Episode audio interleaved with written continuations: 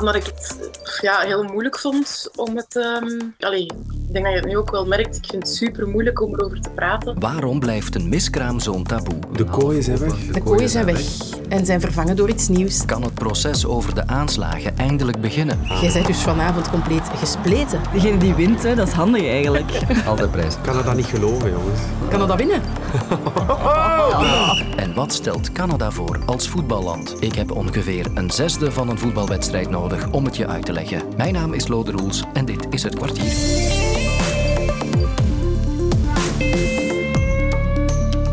In mijn sociale media-overzicht zat vanochtend een openhartige video van presentatrice Julie van den Steen, die vertelt over haar miskraam. Ik vond dat verschrikkelijk. Dat moment dat ik um, kreeg dan bloedingen en eerst kreeg ik dan te horen van moet u geen zorgen maken. Maar die werden dan heftiger, die bloedingen. En dan ben ik naar het spoed gegaan en daar hebben ze mij gezegd bij een echo dat er geen hartslag meer te horen was. En dat was ook het enige waar ik mij tot dan aan kon optrekken, omdat ik al twee keer wel een hartslag had gehoord. En ik, um, ja, ik weet niet hoe ik dat moet uitleggen, want voor veel mensen merk ik ook dat dat, dat, blijkbaar een zegen is om dat op twaalf weken te weten te komen, omdat het zo vroeg is. En omdat het vruchtje nog maar super klein was. En nog geen echte baby was voor veel mensen, maar voor mijn hoofd was dat wel zo. En ik weet totaal niet hoe ik daarmee moet omgaan. Ze komt hier nu heel bewust mee naar buiten omdat het zoveel mensen, zoveel vrouwen en zoveel koppels overkomt. Er zijn zelfs cijfers over. 1 op 6 zwangerschappen eindigt in een miskraam. Dat blijkt ook uit alle andere verhalen die spontaan na haar getuigenis naar boven kwamen, onder meer bij Studio Brussel.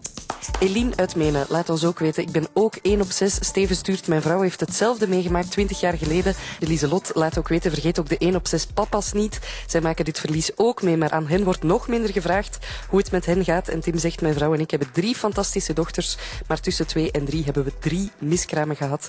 Dit moet bespreekbaarder worden. Je weet wat er je te doen staat.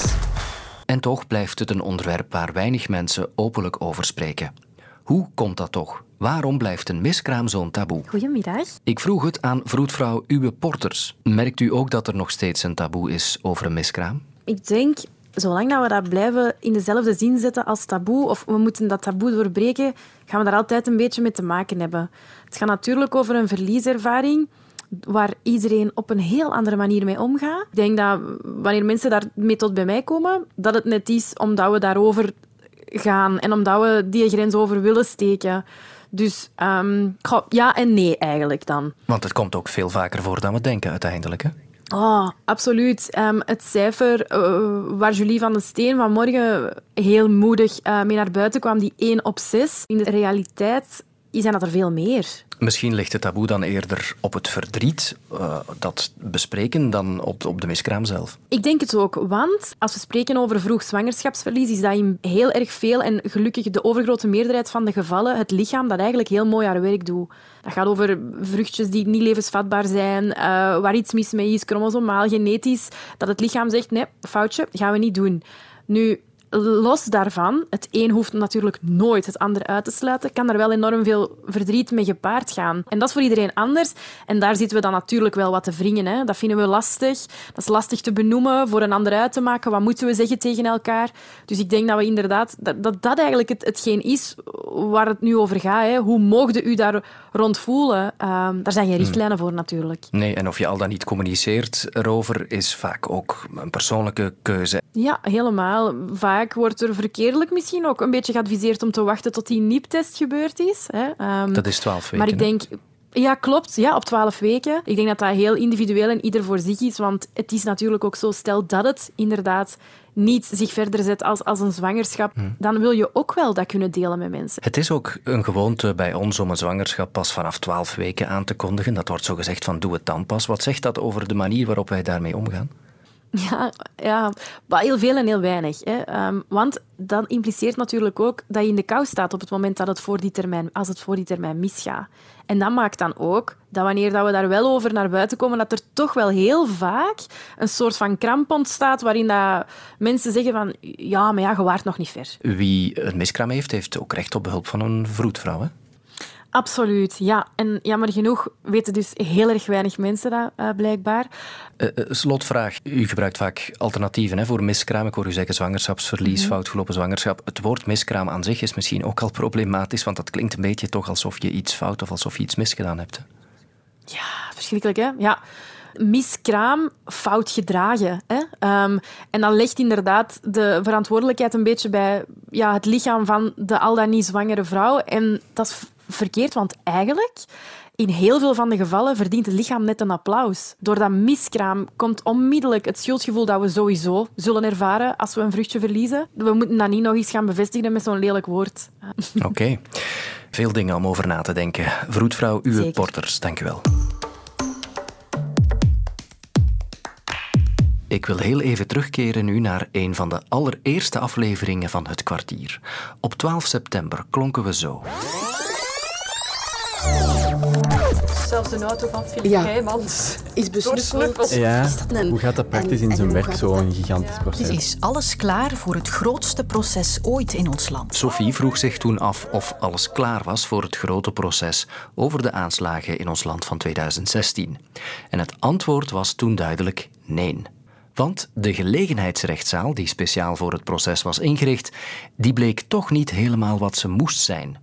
Groot discussiepunt waren de glazen boksen die gebouwd waren en waar de beschuldigden van de aanslagen zouden moeten inzitten. Bij hun advocaten lokte die hevige reacties uit, omdat de afgesloten boksen communicatie met hun cliënten bijna onmogelijk maakten.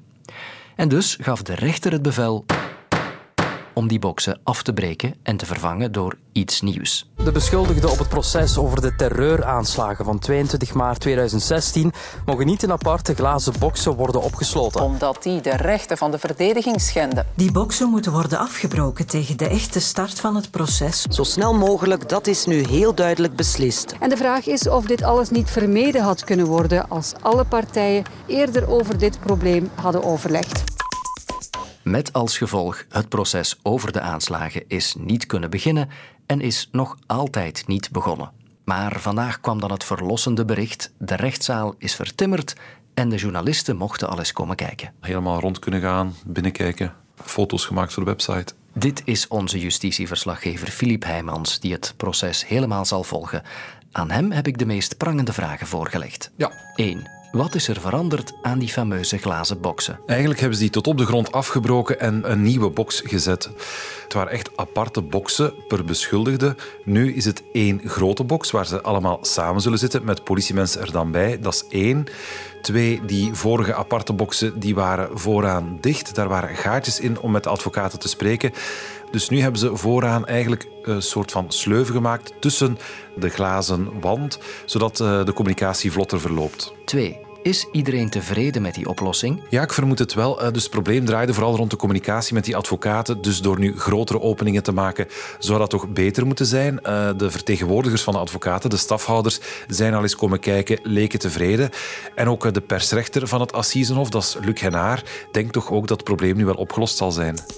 Ze waren alleszins op het eerste zicht heel tevreden met de nieuwe uitrusting. 3. Hoeveel heeft dat allemaal gekost? Die oorspronkelijke boxen die hebben 250.000 euro gekost. En dan om ze weer af te breken en die nieuwe op te bouwen, nog eens 235.000 euro. Dus alles samen een klein half miljoen. Dat is veel geld, waarvan de helft dus vermeden had kunnen worden als er vooraf misschien wat beter over gepraat was. Goed, het is nu eenmaal zo. Het kon ook niet anders. En uh, de woordvoerder zei het ook. Justitie heeft geen prijs, dus het moest nu eenmaal. 4. Zijn alle hindernissen nu van de baan? Kan het proces nu eindelijk beginnen? Dat zullen we volgende week zien. Het is de bedoeling dat het dan van start gaat met de jurysamenstelling en dan de week erna de echte inhoudelijke behandeling. Maar natuurlijk, de advocaten kunnen nog altijd andere problemen opmerken, procedureproblemen die ze zien. Uh, er is ook wel nog heel wat tijd voor uitgetrokken om dat soort dingen te behandelen. Dus ik vermoed dat, zeker aan de kant van de beschuldigde, dat men nog wel dingen zal proberen. Maar die, die honderden kandidaat-juryleden, die worden daar volgende week toch in die zaal verwacht. En dan uh, zal het voor heel lang zijn. Ziet er toch naar uit dat het 9 à 10 maanden zal duren. Dus hopelijk weten we tegen de grote vakantie volgend jaar wat de uitspraak is. Maar ik sluit niet uit dat het nog eh, later zal worden. Oké, okay, Filip, dankjewel. Dat is helder. Je zal er in elk geval je handen mee vol hebben.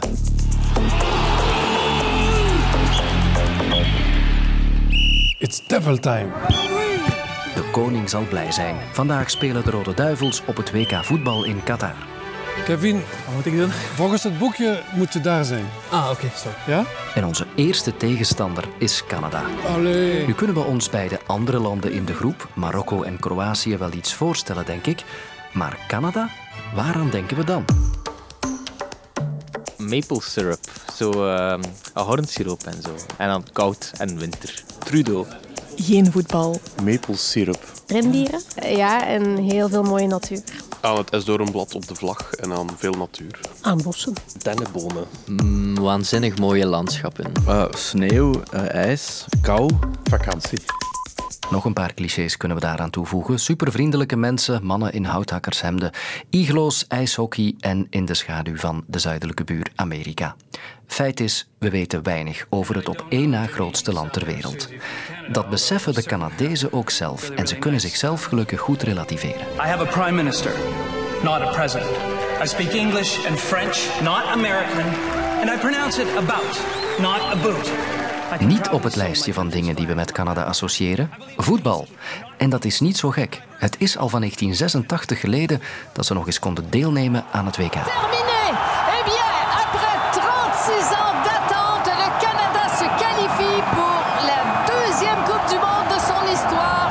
1986 verloren ze trouwens alle drie de wedstrijden zonder een goal te maken. Nu ben ik zelf halve Canadees. Ik heb er vijf jaar gewoond en de dubbele nationaliteit. Dus ja, ik ben bevooroordeeld. En daarom heb ik onze vragen voorgelegd aan Bjorn en Lieve, twee landgenoten die al jarenlang in Canada wonen. Voetbal is er hoe dan ook niet erg populair. Het is meer een ding dan, dan het was toen ik vier jaar geleden hier aankwam. Maar het is, het is absoluut zeker niet zo populair als uh, pakweg hockey of uh, basketbal. Uh, nee, het is nog een hele lange weg te gaan. Zo, er is niet zo dat er een groot wedstrijdblad ergens opgehangen wordt en, en dat de competitie gevolgd wordt om te zien wie wat doet. Dat, dat blijkt allemaal niet, niet het geval te zijn op dit moment. En dus merk je relatief weinig van het WK-voetbal. Ik zou zeggen dat het heel erg doods is hier in Canada. Het is niet zo dat het de voorpagina nieuws is op een website van een krant of zo. De wedstrijden zijn niet openbaar te bekijken. Je, je, moet wel degelijk een app installeren op je telefoon of op je smart TV, waar je ook trouwens moet voor betalen om de wedstrijden te kunnen zien. Het is niet zo zoals in België dat je ze via de openbare zender uh, kan, kan volgen. Het is een beetje moeilijk, uh, omdat natuurlijk de situatie in Qatar zo verschrikkelijk is. Dus er is wel veel minder steun voor uh, het hele gedoe met de corruptie en de slechte lonen en de anti-gay attitude van de regering daar eigenlijk. En het hele gebeuren maakt, zet het een beetje in een somber, somber licht voor ons allemaal. Uitzondering is de grote immigrantengemeenschap in Canada. Het is altijd heel, heel speciaal om in een land te wonen waar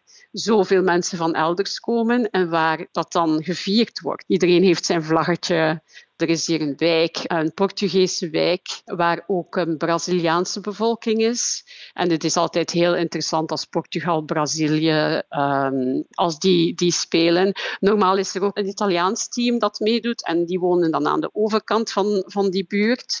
En dan is er een hele commotie tussen, ja, ofwel wint Italië ofwel wint Portugal. En er wordt dus duidelijk gevierd op straat en in de cafés. Dus natuurlijk, normaal is dat in de zomer. Nu is het in november. Het heeft hier al, er ligt hier al een pak sneeuw op de straat. Dus ja, nu zal dat minder buiten gevierd worden en meer binnen gevierd worden natuurlijk. En het mag dan misschien niet leven in Canada en het is geen voetballand, maar moeten de Rode Duivels straks opletten voor Canada op het veld? Mm, ik zou durven zeggen van, van bijna van niet. Uh, al, al schatten sommige mensen, als je, als je een klein beetje de openbare omroep volgt, CBC, ja, zijn ze toch niet heel erg bang van België, ook niet. Ze, ze geloven wel dat ze een kans maken. En tot slot, voor wie gaan Björn en Lieve vanavond supporteren? Wij zijn een beetje verdeeld natuurlijk, hè, want België en Canada, normaal zouden we voor Canada uh, supporteren, maar vandaag gaan we dus ook voor België supporteren. Ja, dit, op, op die momenten blijft het toch nog altijd een Belgisch hart je bent wel benieuwd wat een, wat een land als Canada kan doen, maar, maar, ik merk toch voor mezelf dat het, dat het overwegend Belgisch is wanneer het op, op dit soort van dingen aankomt. Ik stel voor dat ik pas na de wedstrijd beslis voor wie ik supporter. Altijd gewonnen in mijn geval. Tot morgen voor een nieuw kwartier. Luister ook naar Thank You Boomer, waarin Thibaut Christiansen uitzoekt welke artiesten we echt tijdloos mogen noemen. Nu in de app van VRT Max.